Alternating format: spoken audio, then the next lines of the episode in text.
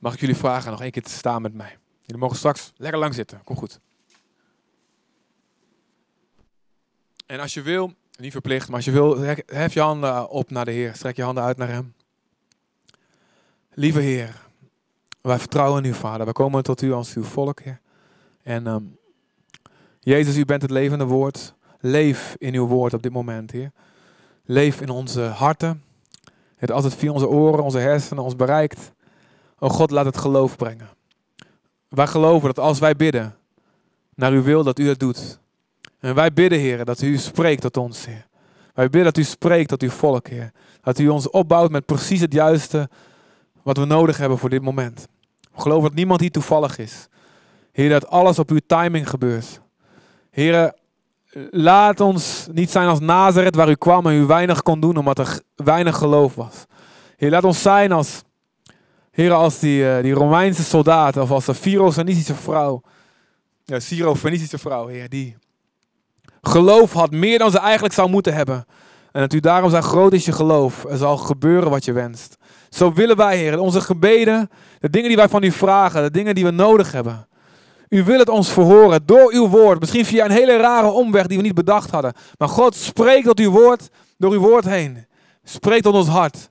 Wij willen zeggen, wij hebben het nodig. Niet onze buurman met een splinter, maar wij met de balk. Leer ons dit te zien.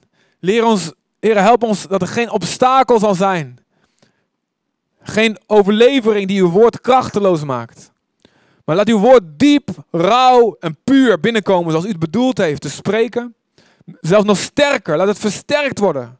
Laat het niet afgezwakt worden, maar laat het amplificaar, laat het uh, versterkt worden. Precies het juiste volume. Precies de juiste trilling. En ons leven zal veranderen. En wij aan deze kant van de eeuwigheid, waarin alles bepaald wordt, zo groot mogelijke impact mogen maken voor uw naam. In Jezus' naam, laat het zo zijn, Vader. Amen. Amen. Thank you. Um, twee weken geleden heb ik uh, gesproken over um, woorden. Wie weet dat nog? Maar bemoedig maar eventjes, jongen. Wie weet dat nog? ja, dus ik weet dat jullie het nog weten. Uh, weet je, God, ja, ik heb gesproken, God sprak en het was er. Als God spreekt, ontstaat er iets, komt, wordt er iets wat er nog niet is. En wij als enige levende wezens in het universum, voor zover we kunnen zien. Ze zijn druk bezig aliens te vinden, is nog niet gelukt. Voor zover wij weten, zijn wij de enige die kunnen spreken, die woorden kunnen geven aan dingen om ons heen. God bracht de dieren bij Adam en God kijkt hoe Adam, de mens, het noemt wat voor hem gebracht wordt. Zo kijkt God en heeft hij ons macht, eigenlijk een beperkte macht gegeven om een woord te vormen aan wat wij om ons heen zien.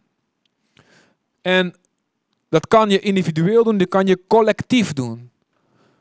Een maatschappij kan zeggen, dit is een situatie, dit is crisis. En ook al is het geen crisis, dan wordt het crisis. Het consumentenvertrouwen daalt, want iedereen zegt het is crisis. De beurzen draaien op psychologie. Wat zeggen de mensen wat het is? Dit is goed of dit is slecht? Donald Trump aan de macht is slecht. Oh, het is toch goed. Beurs omhoog, dollar stijgt. Dus de woorden die wij geven hebben. het is beperkt, het is gelimiteerd, maar het heeft macht. God geeft ons de macht om met woorden een wereld te vormen. En daarom is het ontzettend belangrijk welke woorden onze wereld vormen. Jezus is het levende woord van de Vader. Hij is de expressie van het hart van God. En Jezus is het perfecte woord. Hij is de perfecte expressie van wie God is. De, het perfecte balkje, zoals Nathalie zei. Hij is het woord. Maar nu, wij hebben een mond gekregen. Wij hebben hersenen gekregen. Wij vormen woorden. Dus daar heb ik vorige keer over gesproken. Je kunt altijd de, de, de, de podcast, dus de opnames terugluisteren als je daarin geïnteresseerd in bent, als je hem gemist hebt. En vorige week heb ik gesproken met Pasen over de heiligheid van de gemeente. En hoe het belangrijk is dat we zuiver, zuiver leven als paasbrood zonder zuurdeeg. En dat het dus daarvoor soms nodig is om moeilijke dingen te doen in een kerk, om elkaar aan te spreken. En om zelfs mensen uit de kerk te zetten. Waar ik helemaal niet van hou. Ik hou er niet van. Ik, ik hou echt van liefde en harmonie. Maar het woord zegt, het moet. Nu gaan we verder met die macht, die autoriteit van de woorden. Waar we gebleven waren. Ehm, en we zullen met name focussen deze keer op wat je mond uitgaat. Niet alleen de woorden die je gelooft, waar we vorige keer meer over gesproken hebben. Wat geloof je van wat je hoort. Maar nu, wat gaat er uit je mond naar buiten? Jezus zegt, niet wat een mond ingaat, maakt een mens onrein. Marcus 15, vers 11. Maar wat een mond uitgaat, maakt je onzuiver. Dus niet, hé, hey, uh, ik eet lekker chicharron. Of uh, uh, frikandel, speciaal varkensvlees. Varkens, nee, varkensfrikandel is? Varkensvlees, ja. Of niet dat maakt je onrein. Nee, het doet dingen met je lichaam. Je wordt wat je eet, een beetje. Hè? Maar vooral dat wat er uitkomt, zegt Jezus. Want uit de overvloed van je hart spreekt de mond. En je mond laat zien wat in je hart leeft. En nou, sommige eten is zo slecht dat het ook weer eruit gaat. Dat bedoelt Jezus ook niet, natuurlijk. Maar wij kunnen. Um, Spreuken 18, vers. Um, eventjes die heb ik even onderaan staan. Dat is niet zo handig. Spreuken 18, vers. Waar is hij? Waar is hij? 20 en 21. Twee spreuken die gaan over de mond. En het is niet zo mooi vertaald in de NBV, moet ik zeggen. Hier, ten eerste staat er in vers 20: Van de vrucht van je mond wordt een mens verzadigd. Dus je voedt jezelf met de vruchten van zijn mond. Wat uit jouw mond komt, dat eet je zelf ook op. Dat, dat, dat wordt een deel van jouw leven. En de vers daarna, wat ook over spreken gaat, daar staat dat dood en leven is in de macht van de tong. Woorden hebben macht over leven en dood. Wie zijn tong koestert, dus wie goed nadenkt wat hij spreekt, plukt daarvan de vruchten. Maar je zult ook de vruchten plukken als er geen goede dingen uit je mond komen. Dood en leven in de macht van de tong. Ik weet niet of hij op is, maar Wilkin, onze goede vriend die hier ook geweest is, uh, heeft ook een boek over geschreven. Woorden hebben kracht. Misschien is hij al op, maar anders ligt hij daar nog. Kun je hem nog kopen? Um, die gaat daar helemaal over. Je kunt zegenen met je mond. Je kunt vervloeken met je mond. Je kunt heilig spreken, maar je kunt ook zondigen met je mond. Job had het goed. En toen stond God Satan toe zijn leven zo te vernietigen bijna. En er staat, die Job was zo geslagen. Maar in dat alles zondigde hij met zijn lippen niet. Als je leest wat hij daarna zegt, die hele hoofdstukken van Job, dan denk je van nou, oh, dus dat mag allemaal. Dat is dus allemaal niet zondigen. Hij, hij klaagt God eigenlijk aan. Hij stort zijn hart uit bij God, maar hij zondigde niet met zijn lippen. Hij schreef God niet ongerijmd toe, een beetje oud-Nederlands, maar hij, hij, hij zondigde niet met zijn lippen.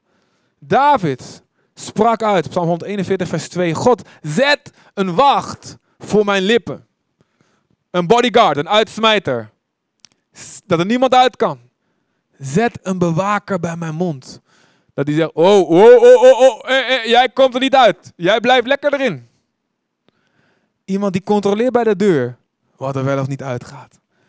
Jacobus 3 zegt, oh weet je, wie in zijn tong, niet, wie zijn spreken niet struikelt, is een volmaakte man. Je kan zelfs, je zal je, dan zul je zien dat je ook je hele lichaam, je hele leven, alles is onder, heb je onder controle gebracht. Het spreken. Het spreken is zo belangrijk. In de, dus ik wil een aantal dingen gewoon tegenover elkaar zetten. Wat dingen die te maken hebben met ons spreken. Ten eerste, spreken versus zwijgen. Wij Nederlanders stammen af, niet allemaal natuurlijk, maar uh, het Koningshuis stamt af van Willem van Oranje. En wie weet zijn bijnaam van Willem, Willem van Oranje? Willem de Zwijger, heel goed. Dus eigenlijk zouden we allemaal een heel erg bedachtzaam volk moeten zijn. Waar we allemaal goed nadenken over wat we zeggen. En onze mening even goed, ja, soms voor ons houden. Maar Helaas is dat nog niet zo goed dat DNA overgesprongen, denk ik. We spreken allemaal snel, niet Nederlanders alleen. Wij spreken allemaal snel, ja toch? ik bedoel, ik heb een geweldige Colombiaan in huis. Ik ken die cultuur inmiddels ook. En dan zie je, oh ja, wat ik dacht wat alleen Nederlands was, is in elke cultuur. Wij mensen, wij spreken snel. En de Bijbel zegt ten eerste, wil je zuiver spreken, spreek dan niet te veel. Spreek niet te veel. Um, Jacobus 1, vers 19, zegt, een mens moet langzaam zijn om te spreken, maar snel om te horen. En als je allemaal even voelt, voel even allemaal hier met je aan de linkerkant. Wat voel je hier? Hoe heet dat? In papiamento? Orea. Hè? Andere kant. Tel eventjes hoeveel je er hebt van, van die oren. Even tellen. 1, 2. Ja toch? Heb ik goed geteld? Het is geen strikvraag hoor. Dan, dan hier in het midden heb je ook nog zo'n ding. Tel even hoeveel je daarvan hebt. Niet de lippen, hè? Tel even, hardop. God geeft ons zo'n duidelijke boodschap in de natuur. Twee oren, één mond. Dus twee keer zoveel luisteren als je spreekt. Dan kun je misschien ook uh, toepassen op ogen. Ik weet niet waarom we één neus hebben, wel twee neusgaten. Nou, daar kan ik even geen spirituele boodschap uithalen. Quizvraag voor thuis. Maar we moeten leren veel te luisteren. Snel zijn om te luisteren, zegt Jacobus. Langzaam om te spreken. En prediker 5, vers 1 en 2 zegt dat heel mooi. Er staat, weet je, prediker 5, vers 1 en 2. Bij prediker moet je altijd even checken of de versnummers nog wel gelijk lopen. Ja, fantastisch. Wees niet te haastig met je woorden. En doe God niet overijld, overhaast, haastig met heel je hart gelofte. Want, en dit vind ik mooi. Zo simpel is de Bijbel en zo helder. God is in de hemel en jij bent op aarde. Dus laat, je, laten daarom jouw woorden weinig zijn. Dat vind ik zo mooi. Heel simpel. God is in de hemel en jij niet. Doe rustig, doe rustig met wat je spreekt. Wees niet te snel met allemaal dingen beloven, dingen roepen. En in het algemeen, wees niet te snel met spreken. Laat die woorden weinig zijn. Spreuken 10, vers 19. In de veelheid van woorden ontbreekt een overtreding niet. Spreuken 29, vers 20. Zie jij iemand die haastig is met zijn woorden? Voor een dwaas is er meer hoop dan voor hem. Wie zit hier naast een dwaas? Nee, doe niet je handen omhoog. Maar je kunt slim zijn, maar snel praten, veel praten, dan kun je beter nog die dwaas naast je zijn. Want je zal, meer, meer woorden betekent meer valkuilen. In Spreuken 17 vers 28, zelfs de dwaas die zwijgt, daar heb je hem weer, gaat door voor verstandig. Dus zelfs een dwaas die zwijgt, lijkt verstandig tot hij zijn mond open doet. Ik denk ook vaak, ik lijk ook, ook vaak een Colombiaan. Tot ik mijn mond open doe. Nou goed, dan gaat het ook nog even goed. Maar na een paar zinnen denken ze toch, hé, Nederlands accent. En Spreuken 18, vers 2, ook een van onze favorieten. Um, daar staat, een dwaas, kijk hoe die hier staat. Een dwaas is niet geïnteresseerd in inzicht. Hij wil alleen zijn mening kwijt. Ken je zulke mensen? Niet je hand omhoog doen, weet je wel? Ik, ja, we kennen allemaal die mensen. We zijn misschien zelf heel vaak die mensen. Um, weet je, ken, ken, ken je zulke gesprekken? Dat je, je wil iets delen. Je hebt het moeilijk. Je hebt iets meegemaakt. En voor je eigenlijk klaar bent, of misschien ben je net klaar, zegt de ander: Ja, dat heb ik ook. Dat heb ik ook gehad. En nog wel. Oh, dat heb ik veel erger gehad. Eh, ik, ik vind er dat van, ik vind er dat van. En er zijn mensen eigenlijk, en we zijn het allemaal, zijn we dat. Ik, ik, ik moet niet praten alsof over iemand anders gaat. Ik doe dat ook. Voor je het weet, je bent niet geïnteresseerd in het luisteren of in iets te leren. Je bent alleen geïnteresseerd om snel zeggen wat jij, wat jij, wat jij meegemaakt hebt, wat jouw mening is. En de Bijbel zegt, dan ben je een dwaas. luister eerst goed. Natuurlijk mag je, is er een moment om te spreken. Prediker 3. Er is een tijd om te zwijgen, tijd om te spreken. Maar alleen gericht zijn in een gesprek, in een conversatie, je eigen mening te delen. De Bijbel zegt het is dwaas. Luister, God wil je inzicht geven als je luistert. En als wij zeggen, wij zijn christen, wij volgen Jezus. Amen, dat volgt zeggen. We volgen Jezus. Jezus zegt, sterf aan jezelf. Jezus zegt, verlogen jezelf. Dan moeten we dat ook doen in een conversatie, in een gesprek. Sterven aan jouw eigen behoefte om te willen vertellen wat je, wat je hebt meegemaakt, wat je wil vertellen. Soms dien jij de ander. Je geeft je leven voor je broeder of zuster. Door te zwijgen over. Misschien heb jij echt. Die ander heeft iets meegemaakt. Wordt die moeilijk. En jij denkt van binnen. Ik heb wel tien keer zo erg meegemaakt. Je weet. Ja, vind je dat moeilijk? Weet je wel? Maar je zwijgt. Je houdt je mond stil. En je geeft die ander erkenning. En laat voelen, hé, hey, wat erg man. Je laat voelen dat, dat je meevoelt. En daar kan je die ander mee zegenen en mee dienen. Sterven aan jezelf in een conversatie. Jezus volgen in een gesprek. Dat is zo mooi. Als we zo kunnen zijn met z'n allen. Ik spreek absoluut op mezelf. Hè? Maar dit is wijs, zegt de Bijbel. Er is een tijd om te spreken en een tijd om te zwijgen. Oké, wat kan er nog meer uit onze mond komen? Efeze 4, vers 29. Dit is natuurlijk een inkoppertje, hè? Inkop, weet je wat inkoppertje is? Uh, dus de voorzet komt en het is gewoon, weet je wel? Voetbal, voorbeelden. Jullie mogen allemaal blij zijn, de voetbalhaters onder jullie. De komende seizoen zullen jullie minder last krijgen van mijn voetbalopmerkingen. Want mijn favoriete club staat op het punt van zwaar degraderen. Ah ja, goed zo. Wat, oh, wat fijn dat jullie dat. Oh, wat lief van jullie. Goed. um, Efeze 4, vers 29. Laat geen vuile taal over uw lippen komen, maar alleen goede en waar nodig opbouwende woorden die goed doen aan wie ze hoort. Um, laat me e-, eventjes staan. Um, ik wil jullie even zeggen dat um, je luistert naar iemand. Ik heb minstens twee keer, misschien vaker, maar twee hele duidelijke keren, de absolute heiligheid van God aan, de, aan mijn lijf onder, ondervonden, ervaren. Dus eerst was bij mijn bekering. Als je wat langer komt, ken je dat verhaal. Waarin ik, ik ervoer hoe de hel moet zijn.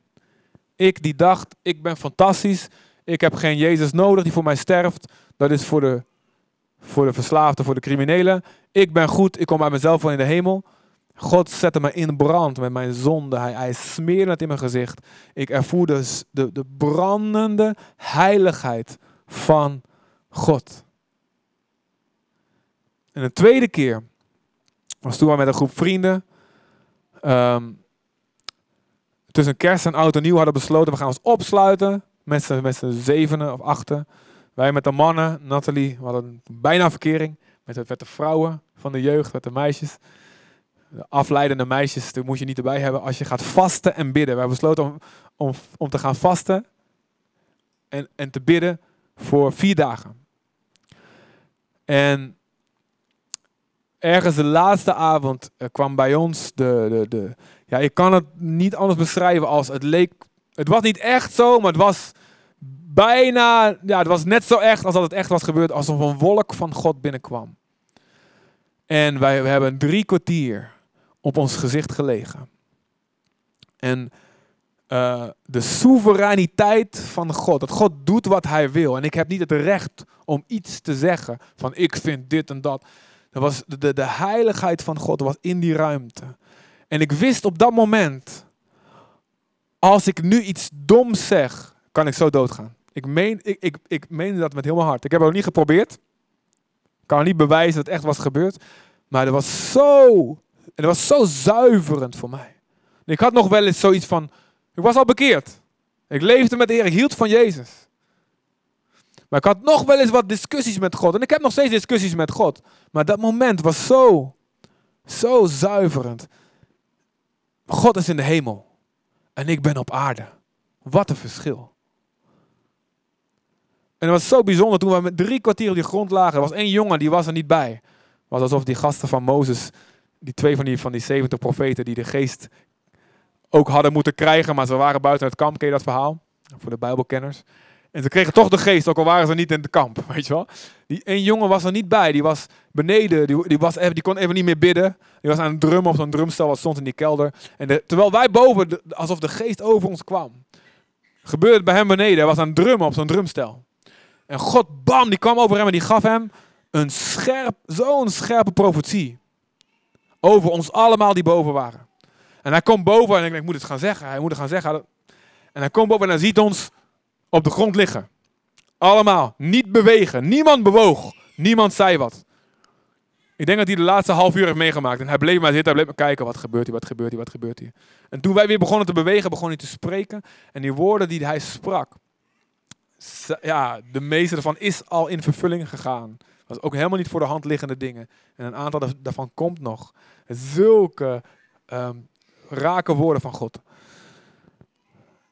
En voor mij zo'n ervaring met God. We moeten niet leven op ervaring alleen, want ervaringen kunnen bedriegen. Maar deze bevestigde het woord voor mij. Weet je, de heiligheid van God is als een verterend vuur. Er zijn, ik zeg het als inleiding, weet je, er zijn christenen die heel makkelijk toch met hun mond omgaan. En ze zeggen, oh weet je wat, het is niet erg als ik het het F-woord erbij zeg. Of als ik K-woord, of wat voor woord je ook hebt. Of ik weet niet wat je in papiamento voor woord hebt. Hè? En ik zeg niet dat je meteen door de bliksem geraakt wordt als je een slecht woord zegt. Dat zeg ik niet. God snapt het. En God snapt dat wij afgestompt zijn voor zijn heiligheid. En voor hoe wij hem moeten representeren. Maar het woord zegt dit, laat geen vuile taal uit je mond komen. En ik ben old school wat dat betreft. Bewaak je lippen. Wees een voorbeeld met wat je zegt. Ik zei vroeger, toen ik nog niet bekeerd was, ik ging naar de kerk, maar ik was niet bekeerd. Ik zei onder invloed van mijn vrienden alle ziektes die je maar kon bedenken. En ik maakte een sport van om leuke, grappige, klinkende ziektes te bedenken. Om als geldwoord te noemen. Een van mijn favorieten was tyfus. Tyfus dit en tyfus dat. En toen kreeg ik tyfus. Ik zeg niet dat wat je zegt, dat krijg je. Maar voor mij was dat iets van oké. Precies toen ik dus tot bekering kwam, toen ik God ontmoette in Indonesië, mijn achttiende. Ik had die ervaring met God. In een kamer waarin een, mijn achterneef, Indonesische achterneef, ook een ervaring met God had gehad. Die zo heftig was. Hij was totaal veranderd, totaal bekeerd. Ook in diezelfde kamer waar ik logeerde. En direct daarna, vrij snel daarna, kreeg die achterneef buiktyfus en is eraan gestorven. Hij was begin twintig. Ik in diezelfde kamer krijg ik een ervaring met God. En direct daarna, binnen een paar weken, krijg ik buiktyfus. hey, ik, ik zoek geen demonen waar ze niet zijn. Maar ik, het is wel opvallend. In het vliegtuig op weg terug naar Nederland. Mijn vader kwam me ophalen. Ik was daar drie maanden geweest. Werd ik misselijk en de dokter dacht, oh ja, het is een beetje een griepje of wat dan ook. En dat bleek buiktyfus te zijn. Nou, op het moment dat je buik begint te bloeden, heb je 50% kans op te sterven, 50% kans overleven. Nou, het is allemaal goed gegaan. Ik ben helemaal van de wereld geweest. Ik heb het overleefd, gelukkig. Maar ik wist ook, hey, watch your mouth, weet je. Dus ik moest stoppen met naar de voetbal te gaan. Want elke keer als ik daar was, dan kwam weer van alles uit mijn mond. En ik wist, het wilde Heer niet meer. En ik zei altijd, wat er ook gebeurt, ik ga altijd naar de voetbal, naar het stadion. En ik wist, ik kap ermee. Als je hand je tot zonde verleidt, hak hem af. Gooi het weg. Kan jij dat voetbal schelen? Leef heilig. God zegt, wees heilig, want ik ben heilig. Zonder heiliging zal niemand de Heer zien. Laat er geen vuile taal uit je mond komen, maar alleen goede en waar nodig opbouwende woorden die goed doen aan wie ze hoort. Letterlijk staat daar die genade geven aan wie ze hoort. En 1 Petrus 4 vers 11, ook een favoriet van mij. Als iemand spreekt. Als je spreekt, wie spreekt er wel eens? Laten. Hoe staat het in deze vertaling? Nou, dit is zo slap afgezwakt. In de herziene staatsvertaling. Als iemand spreekt, laat het dan zijn als iemand die de woorden van God spreekt. Oftewel, zeg alleen wat God ook zou zeggen. Ja, maar God praat niet over de laatste mode. God praat niet over. Ja, hey, daar gaat het niet over. Je mag best over onderwerpen praten die niet in de Bijbel staan. Oh ja, er staat, nu, er staat ergens in de Leviticus over mode, je over nieuwe kleren. Je mag best over iets praten wat niet in de Bijbel staat. Maar als je laat het alleen woorden zijn die ook zo uit de mond van Jezus hadden kunnen komen in die, die situatie. Snap je? Weeg je woorden zwaar. Weeg je woorden. Dus spreken versus zwijgen. Vuile taal versus woorden die opbouwen. Woorden die alleen God ook zou zeggen. Leugens tegenover waarheid. Het is een, ook een inkoppertje. De Bijbel zegt, lieg niet tegen elkaar. Je bent leden van hetzelfde lichaam. Weet je, het vertrouwen in elkaar is zo belangrijk. Maar ook, weet je, leugentjes om best wil. We kennen ze allemaal. Het is, het is ongeloof. Het is een gebrek aan geloof in God. Ik moet eigenlijk het een beetje verdraaien. Want de waarheid, oeh, daar gaat God me niet mee helpen. Dat komt niet goed. Ik moet dit, om dit een beetje beter te maken. Spreek waarheid. Wees betrouwbaar. Wees betrouwbaar. In wat je zegt. En hetzelfde geldt voor beloftes. Matthäus 5, vers 37. Laat jouw ja ja zijn en je nee nee. Laten we ons best doen om niet zomaar iets te beloven, ook aan mensen. Zonder de intentie om het echt te doen. Het is een beetje normaal, weet je, om, om een sociaal antwoord te geven. Het is geaccepteerd om dat te doen. Maar hey, laat jouw woorden zwaar wegen. En we hebben allemaal, lieve mensen, heiligheid en genade gaan goed samen. We hebben allemaal beloftes die we hebben gebroken. We hebben allemaal en we doen het nog steeds. Maar als je erachter komt, als God je er bewust van maakt, of iemand laat het je merken, doe dan je best om alsnog die belofte te vervullen. En als dat niet meer kan, vraag vergeving. Zeg sorry, ik heb het te snel beloofd. Ik had het niet moeten doen. En ik kan het niet. Ik kan het niet vervullen. Ik ken goede vrienden. Ehm, en om een alcoholist te helpen van zijn verslaving af te komen, hebben ze samen beloofd. Weet je, als, om jou te helpen, gaan wij beloven nooit meer een druppel alcohol te drinken in ons leven. Hebben ze gedaan. Heeft die jongen zo geholpen om van de drank af te komen. En toen was het, toen was die jongen, goed, die heeft even Jezus gevolgd en die zijn ze kwijtgeraakt. En toen was het vijf of, of zeven jaar verder. En ze zaten er zo mee. Zo, oh, weet je, ik wil wel eens een biertje op het terras. De Bijbel zegt dronkenschap is zonde is valikant tegen dronkenschap. Maar eh, eentje, geen probleem, lieve mensen. Wij drinken zelfs nauwelijks, maar goed. Ik geloof, de Bijbel zegt, er is ruimte daarvoor. Maar zij zaten vast aan die belofte, aan God. Wees niet te snel om belofte aan God te maken. Ze hebben God vergeving gevraagd. Heer, vergeef mijn vader. En ik, ik heb niet eens nagevraagd hoe het afgelopen is eigenlijk. Maar volgens mij zijn ze inmiddels met een, met een geweten weer ja, een zonde van te snel beloven, verzoend, rustig weer hun biertjes aan het drinken. En ze houden het mooi binnen de perken. Maar Jezus zegt, laat je ja ja zijn en je nee nee. Dus wat een goede oefening is, is ga eens in je gedachten aan wie heb ik ooit dingen beloofd? Heb ik ooit beloofd iemand uit te nodigen en ik heb het niet gedaan? Kan je het nog doen? Cumpli, palabra. Vervul je woord. Als het nog kan. Heb je iemand iets beloofd en het kan niet meer? Ga naartoe, schrijf ze, bel ze. Hé hey man, ik heb je beloofd Ik wil, ik wil bekend zijn als iemand wiens woord betrouwbaar is. En God heeft me op aangesproken. Wil je me vergeven? Ik kan het niet meer doen. Het was niet goed. Misschien heb je erop gerekend. Misschien is hij het al lang vergeten. Maar misschien geneest het iets in het vertrouwen van de mensen.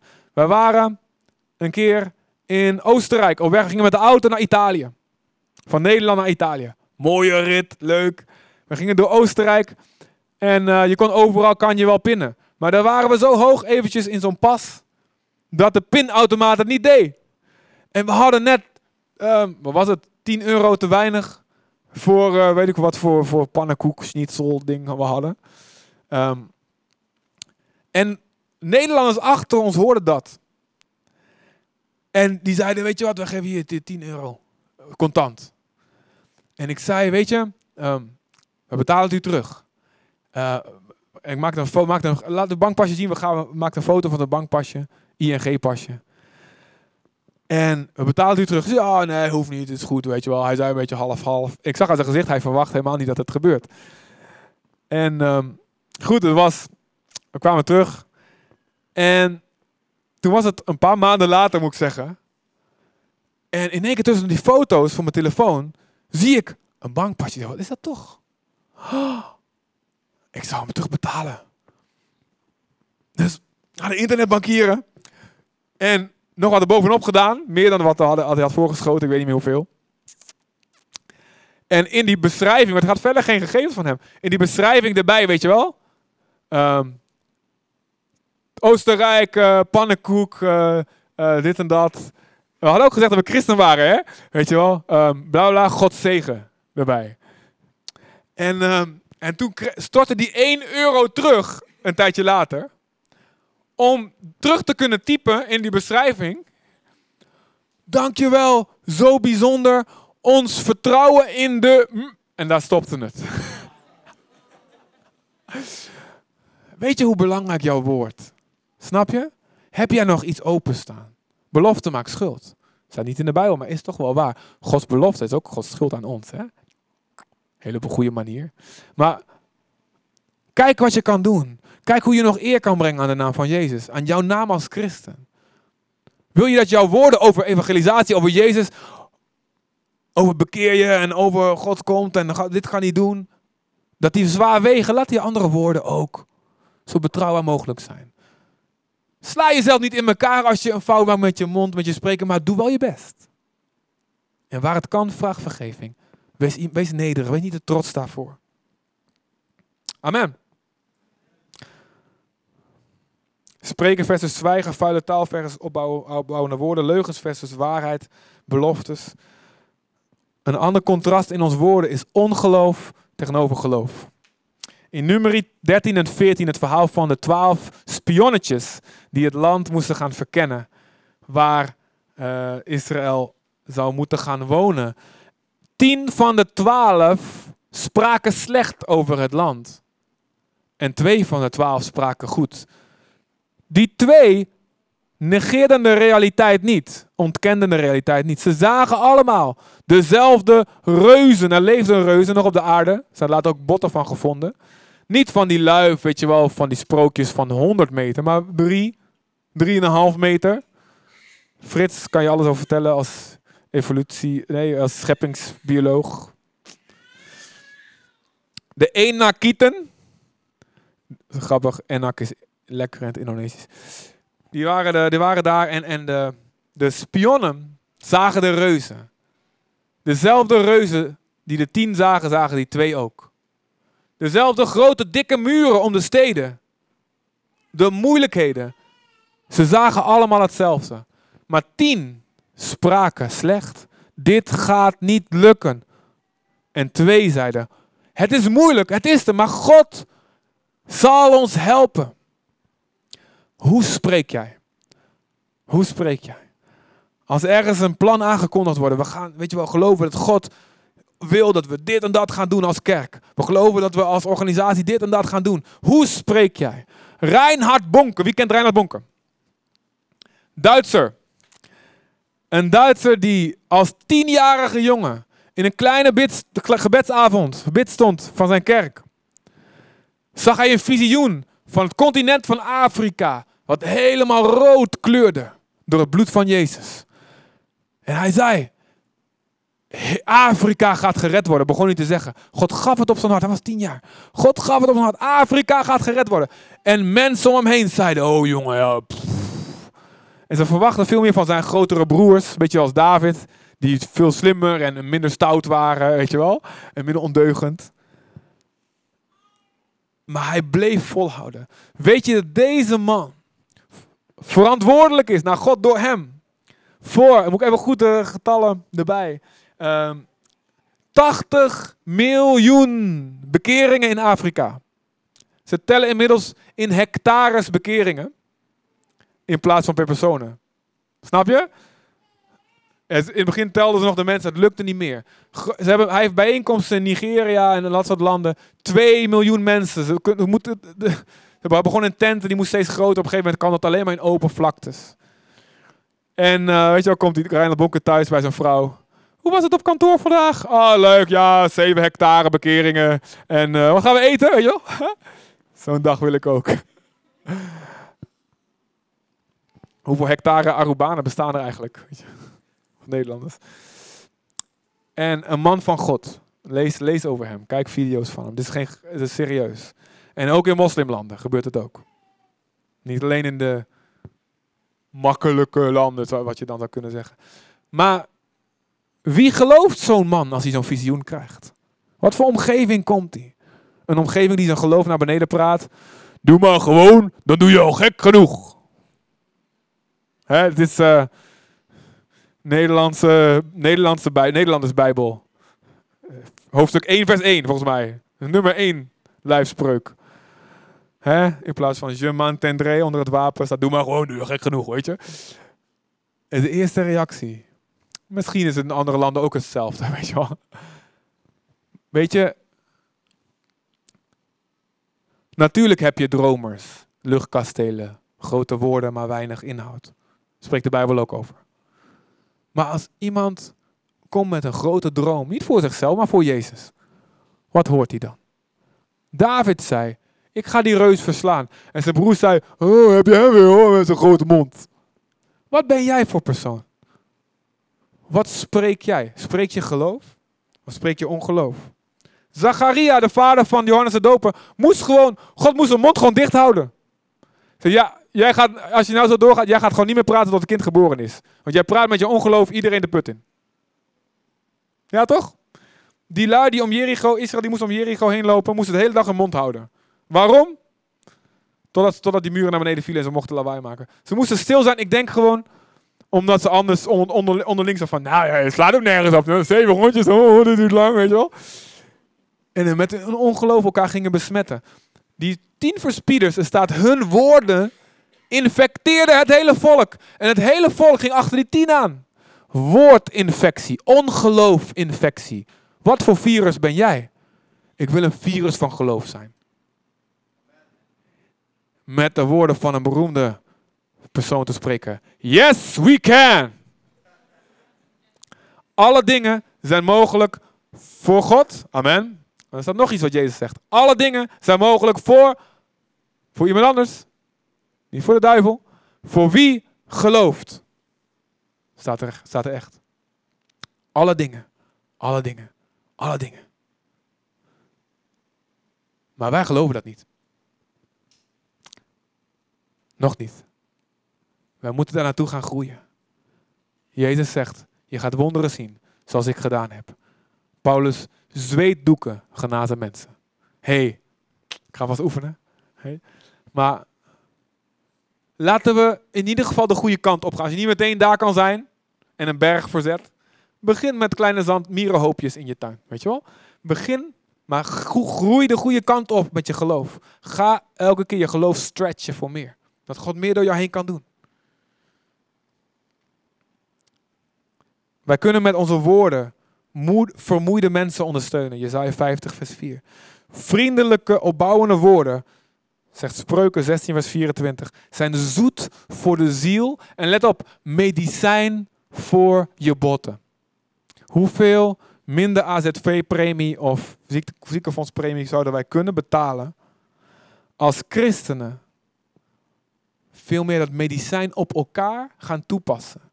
Vriendelijke, opbouwende woorden van geloof gaan spreken. Bemoedigende woorden. Maar wij geven elkaar niet dat medicijn. Wij geven onszelf niet dat medicijn. Als er zo'n sfeer van ongeloof is. En er kan al één kleine opmerking zijn. Ja, ja. Ongeloof. Ongeloof. Spreek woorden van God. Als je de woorden van God niet kent, zorg dat je ze gaat kennen. Onderzoek het, maar ga niet ongeloof verspreiden. De Bijbel noemt het een zware zonde. Het volk stierf in de woestijn. Allemaal. De tien verspieders die met hun woorden anderen besmetten met ongeloof, stierven direct. God wachtte niet 40 jaar. Stierven direct door een plaag. En dit spreekt over de geestelijke eeuwige dood. Voor mensen, ook al noem je jezelf christen, maar als je ongeloof spreekt, je zondigt, je besmet anderen. Geloof. Wij moeten geloven. Wij moeten geloven. Spreek jij woorden van ongeloof, bekeer je ervan. Beleid het als zonde. Hebben mensen het gehoord? Gaan naar ze toe zeggen, weet je, sorry. Ik heb dit gezegd. Is niet goed. Want met jouw ongeloof heb je misschien anderen besmet. Om iets niet te gaan doen wat ze hadden kunnen doen. Wat hun leven had gered. Wat anderen tot bekering had gebracht. Wat Jezus had getoond. Op een fantastische manier. En gaan de mensen naar de hel door jouw woorden van ongeloof. vraag vergeving. Bekeer je van woorden van ongeloof. Beleid het. Zet het recht waar het kan. Je woorden over mensen uitgesproken. Jij zal nooit dit. Jij kan niet dat. Jij doet ook altijd dit. Zet het recht. Zoals mijn vader, dat ik twee weken geleden vertelde, moest zeggen. Chris, jij hebt geen twee linkerhanden. Ik spreek uit, je hebt twee rechterhanden.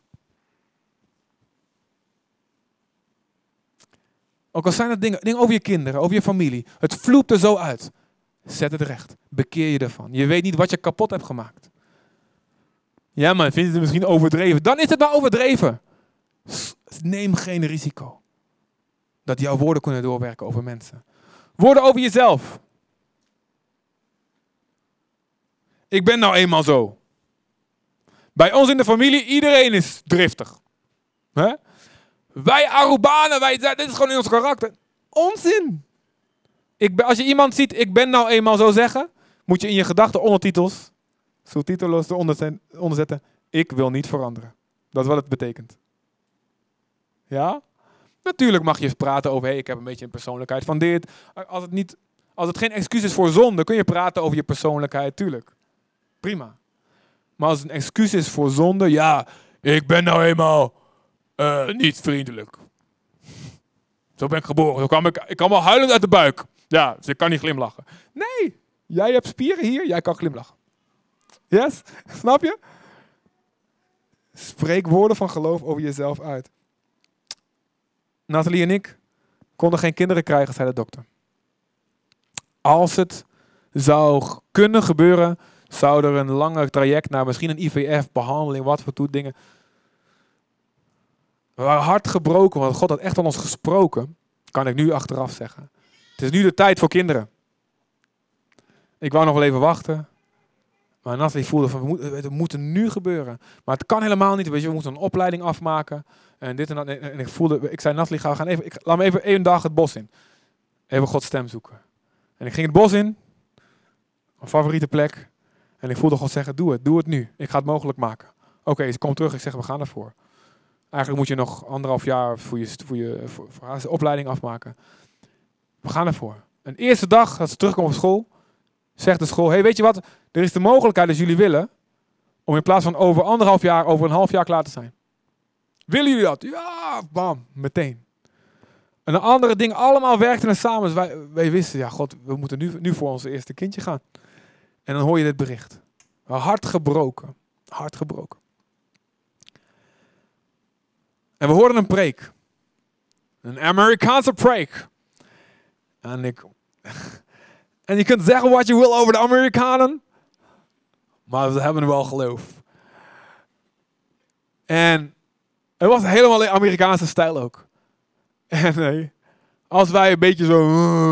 wat sommige mensen kunnen zeggen tegen, oh, deze Amerikaan. Dan hadden we niet ontvangen wat hij had gezegd.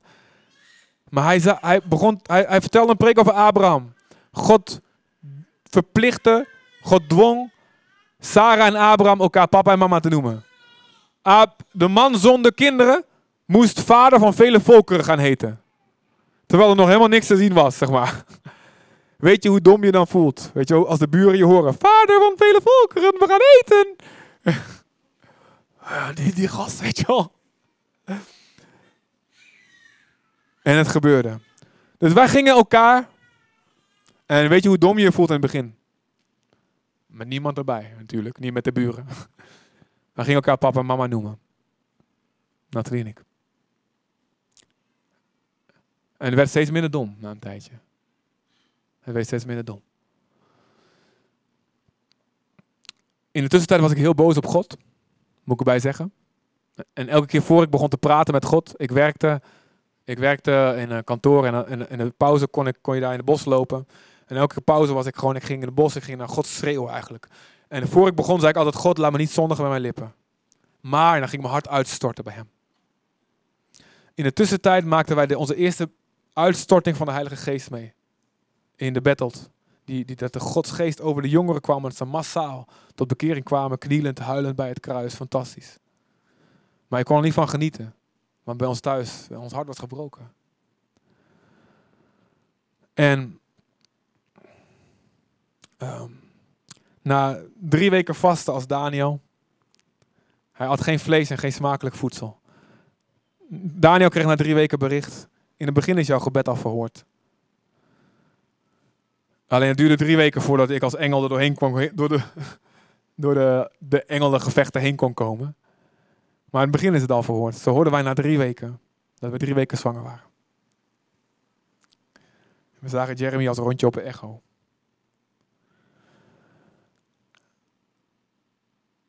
Je voelt je dom als je dingen eh, in geloof uitspreekt die je van God gehoord hebt. En het werkt ook niet magisch. Er zijn heel veel mensen, met name in onze Pinksterhoeken, die er magische trucs van maken. Zowel positief als negatief. Je moet gewoon noemen, neem het en claim het, weet je wel. En dat is onzin. En ook in het negatieve. Weet je, in het negatieve. Ik ken mensen, dan mag je niet eens zeggen dat je, oh ik voel me niet zo lekker. Dan moet je niet beleiden, niet proclameren. hey, kom op, we moeten een beetje realistisch blijven. Hè? Dus je moet niet in doorschieten. En dat je, weet je, als dat zo werkt, dat alles wat je zegt gebeurt, nou ga dan, ga dan even, dan weet ik wel dingen die ik nu ga zeggen. maar het heeft te maken met ons geloof. Wat geloven wij? Wat spreken wij uit in geloof? Of spreken wij ongeloof uit? Als wij geloven ja, ik kan niet iemand bereiken ik, met het evangelie. Ik kan niet vrucht dragen voor Jezus. En we spreken dat uit. Ik kan niet, God gaat mij nooit gebruiken voor iets. Dan is dat niet waar. God wil jou al, altijd gebruiken. Als jij je beschikbaar stelt. Maar omdat jij het niet gelooft, gaat er gebeuren wat jij niet gelooft. Snap je? Gaat er gebeuren wat, hoe, zo, zoals jij het gelooft. Zo werkt het. Want je beperkt jezelf. Je neemt die stappen niet die je moet zetten om die kant op te gaan. Je neemt de opportunities, weet je, je neemt de gelegenheden niet aan. Want je gelooft het niet. En je komt, misschien heb je genoeg geloof in Jezus, je zonden zijn vergeven en je komt in de hemel, maar je komt erachter, dit had ik kunnen doen. Ik had, ik had duizend mensen kunnen redden van de hel. Direct of indirect door mijn leven. En ik heb maar tien gered. hey, prijs God voor die tien. Maar kijk wat het had kunnen zijn. En zo hebben wij Gods hand gezien. Ik sprak uit op de bed dat God zal opwekking geven en het gebeurde. Ik wist niet hoe. Wij spraken uit in Zutphen. Iedereen zei Zutphen, harde grond, harde grond, moeilijk, hoofdstad van de duivel, weet je wel? En wij gingen uitspreken, er bestaat geen harde grond voor God. Er bestaat geen harde grond voor God. En we hebben ze gezien. Een paar honderd rauwe bekeringen uit de wereld. Totale atheïsten, moslims, Hare Krishna's. De krant kwam erbij, de EO kwam erbij. We hebben gezien wat God gedaan heeft. Totale heidenen. Wonderen en tekenen en genezingen. Die, wat een kerk gebouwd heeft. Want we, het, we hebben we geloofsinfecties hebben begonnen. Er bestaat geen harde grond voor God. En de gemeente ging het geloven. En we hebben het gezien. En zo gaan we het hier ook uitspreken. Aruba is niet moeilijk. Arubanen zijn niet moeilijk te bereiken. Christenen zijn moeilijk te geloven. Misschien, nee, we ook niet uitspreken natuurlijk. Wij gaan gewoon God geloven. We gaan alles geloven wat hij zegt. En hoe meer we gaan geloven, hoe meer we gaan zien van zijn hand in ons leven. Hoor ik daar een luid amen? Dank jullie voor jullie spontane meespreken. Nou, er zijn heel veel dingen over, weet je wel. Dit is niet Gods wil. Pas op. Pas op wat je zegt. Weet je dat zeker? Check het bij het woord van God. Als het woord het zegt, duidelijk zegt, dan is het oké. Maar geloof je niet iets wat mensen hebben gezegd, ervan hebben gemaakt. Misschien mensen met een hele bekende naam en van 500 jaar geleden dat je denkt, oeh, dat is een belangrijk iemand. Maar check of God het echt zegt of niet. Ons denken moet vernieuwd worden. De waarheid maakt vrij. Volgende tegenstelling. Gaat hij nog lang door? Hij is al zo lang bezig. Hij komt goed. Het is goed. Je hebt deze hele preek nodig. Amen. Amen. Klagen tegenover danken, daar kan ik kort over zijn. Ik denk, we, we mogen klagen bij God, we mogen ons hart uitstorten. Kijk naar de psalmen. Kijk naar de klaagliederen. Hij, is best brutaal. De Bijbel is best brutaal. God, u heeft wonderen gedaan vroeger voor onze vaderen. Maar ik heb er niks van gezien in mijn eigen leven. Mag je dat zeggen tegen God? Dat moet je zelf zeggen tegen God. Je moet eerlijk zijn tegenover God. Waarom? Als je niet gaat klagen bij God, ga je klagen bij mensen. Aha, snap je hem? Klaag bij God, zodat je minder hoeft te klagen bij mensen.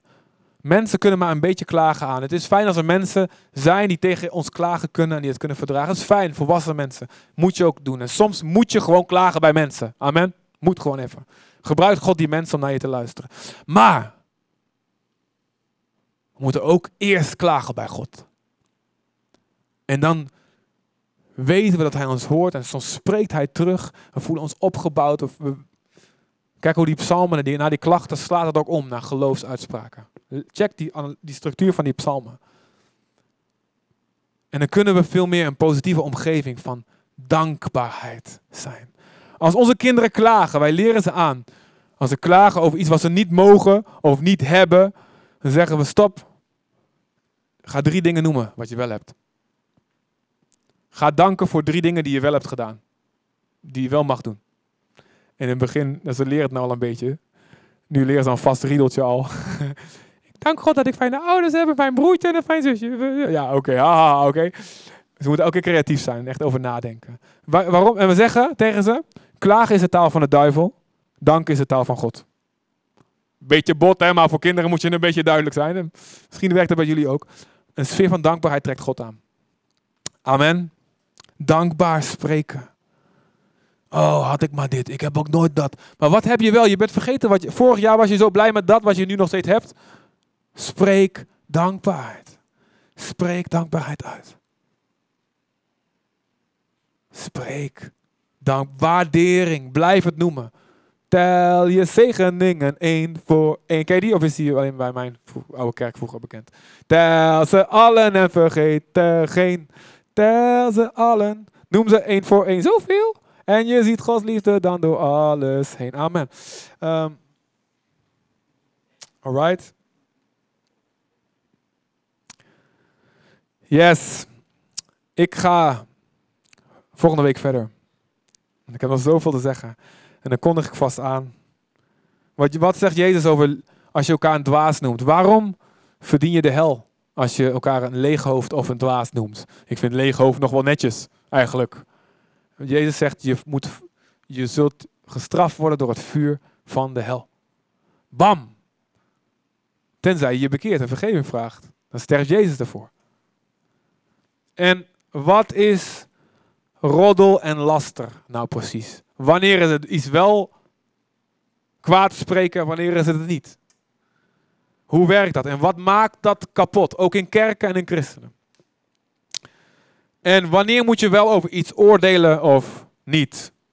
Wanneer is iets gewoon een beoordeling, een, iets wat je, waar je een beslissing over moet maken? Wanneer is het veroordelen? Hebben we al eens eerder over gehad, maar daar zal ik ook in verband met onze woorden dan op ingaan. Zullen we gaan staan met z'n allen, lieve mensen?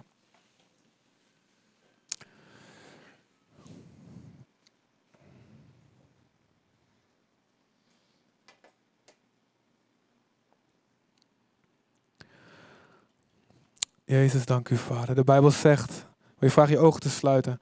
Weet je, we hebben vaak een verkeerd beeld van bekering. Het is niet een ritueel. Het is niet je naam veranderen in ongelovige of moslim naar christen. Bekering is een proces van een aantal stappen. Het is geloof in de woorden van God, daar begint het mee. Wat God zegt, dat geloof ik. En dan draai je je af van wat je deed richting God. Je beleidt je zonde. In het Grieks homo logos. Hetzelfde noemen. Daar heb je het weer. Noemen. Als jij het geen zonde noemt, maar een foutje kan iedereen gebeuren, beleid je nog steeds niet je zonde. Ontvang je ook geen vergeving voor die zonde. Heel belangrijk dat je dat snapt. We moeten het zonde noemen. Ongeloof spreken is zonde.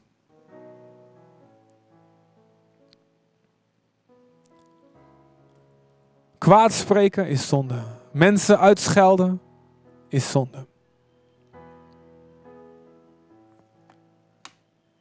En God vergeeft. Hij is snel tot vergeving. Hij is de God van liefde die sterft aan het kruis. Zijn handen uitgestrekt naar ons. Zijn liefde in zijn ogen als hij sterft. En de geest geeft voor jou, voor mij. Maar hij zegt, bekeer je. Noem het zonde. Ga jezelf niet rechtvaardigen. Ga niet smoesjes zoeken. Ja, het kwam door dit. Die sprak ook zo. Neem verantwoordelijkheid. Wees niet als Adam en Eva. Het lag aan de vrouw. Het lag aan de slang. Het lag aan de regering, aan de belasting. Het lag aan. Nee. Neem verantwoordelijkheid. Dus ik, terwijl ik praat, begin gewoon te beleiden. Als je God je al van dingen overtuigt. Verbroken beloftes. Begin te beleiden. Ga niet denken, oh dat is een mooie preek voor die en die. Je moet dit Nee, stop. Stop dat. Dat is de duivel die je wil dat je dat denkt. Kijk naar de balk bij jezelf. Zeg, Heer, de woorden die ik spreek, zuiver mij. Zuiver mijn mond. Jezaja zag de heiligheid van God. En hij zei, wee mij, wee mij. Want ik ben een man onrein van lippen. En ik woon tussen een volk wat onrein van lippen is. Hij beleed zijn zonde. Hij zag de heiligheid van God. God is niet veranderd. God eist nog steeds heiligheid. En dat kan alleen als een kool van zijn altaar komt en je lippen zuivert. Als de geest van God in je komt. En er stromen van levend water, levendgevende woorden uit jou gaan stromen. De doop in geest en vuur. De Heilige Geest die je vervult. En die als een stroom van opbouwende, genadegevende woorden, profetische woorden, woorden als van God, uit jouw mond gaan komen. Als jij je zonde beleidt. Je laat reinigen door die kool van het altaar. Ongeloof over jezelf. Ik ben ook altijd dit. Wat je jezelf beperkt. Gods hart gaat naar jou uit. Je hoeft niet alles nu meteen te zien. Laat het maar een proces zijn van, van dagen, van weken. Dat je elke keer naar God gaat en God laat me nog meer zien. Wat, wat moet nog meer veranderen? Mijn spreken, mijn woorden, mijn namen geven. Maar wees eerlijk. Wees eerlijk. En als het kan, zet recht wat jouw woorden scheef hebben gezegd. Bij je kinderen. Bij je ouders. Als ze nog leven. Doe het als ze nog leven. Mensen misschien van lang geleden. Kan je ze nog opzoeken? Kan je ze nog schrijven? Doe het. Doe het waar het kan. Ook als ze je niet gaan begrijpen. Hé, hey, je weet niet hoe God een haas vangt. Je weet niet hoe God werkt.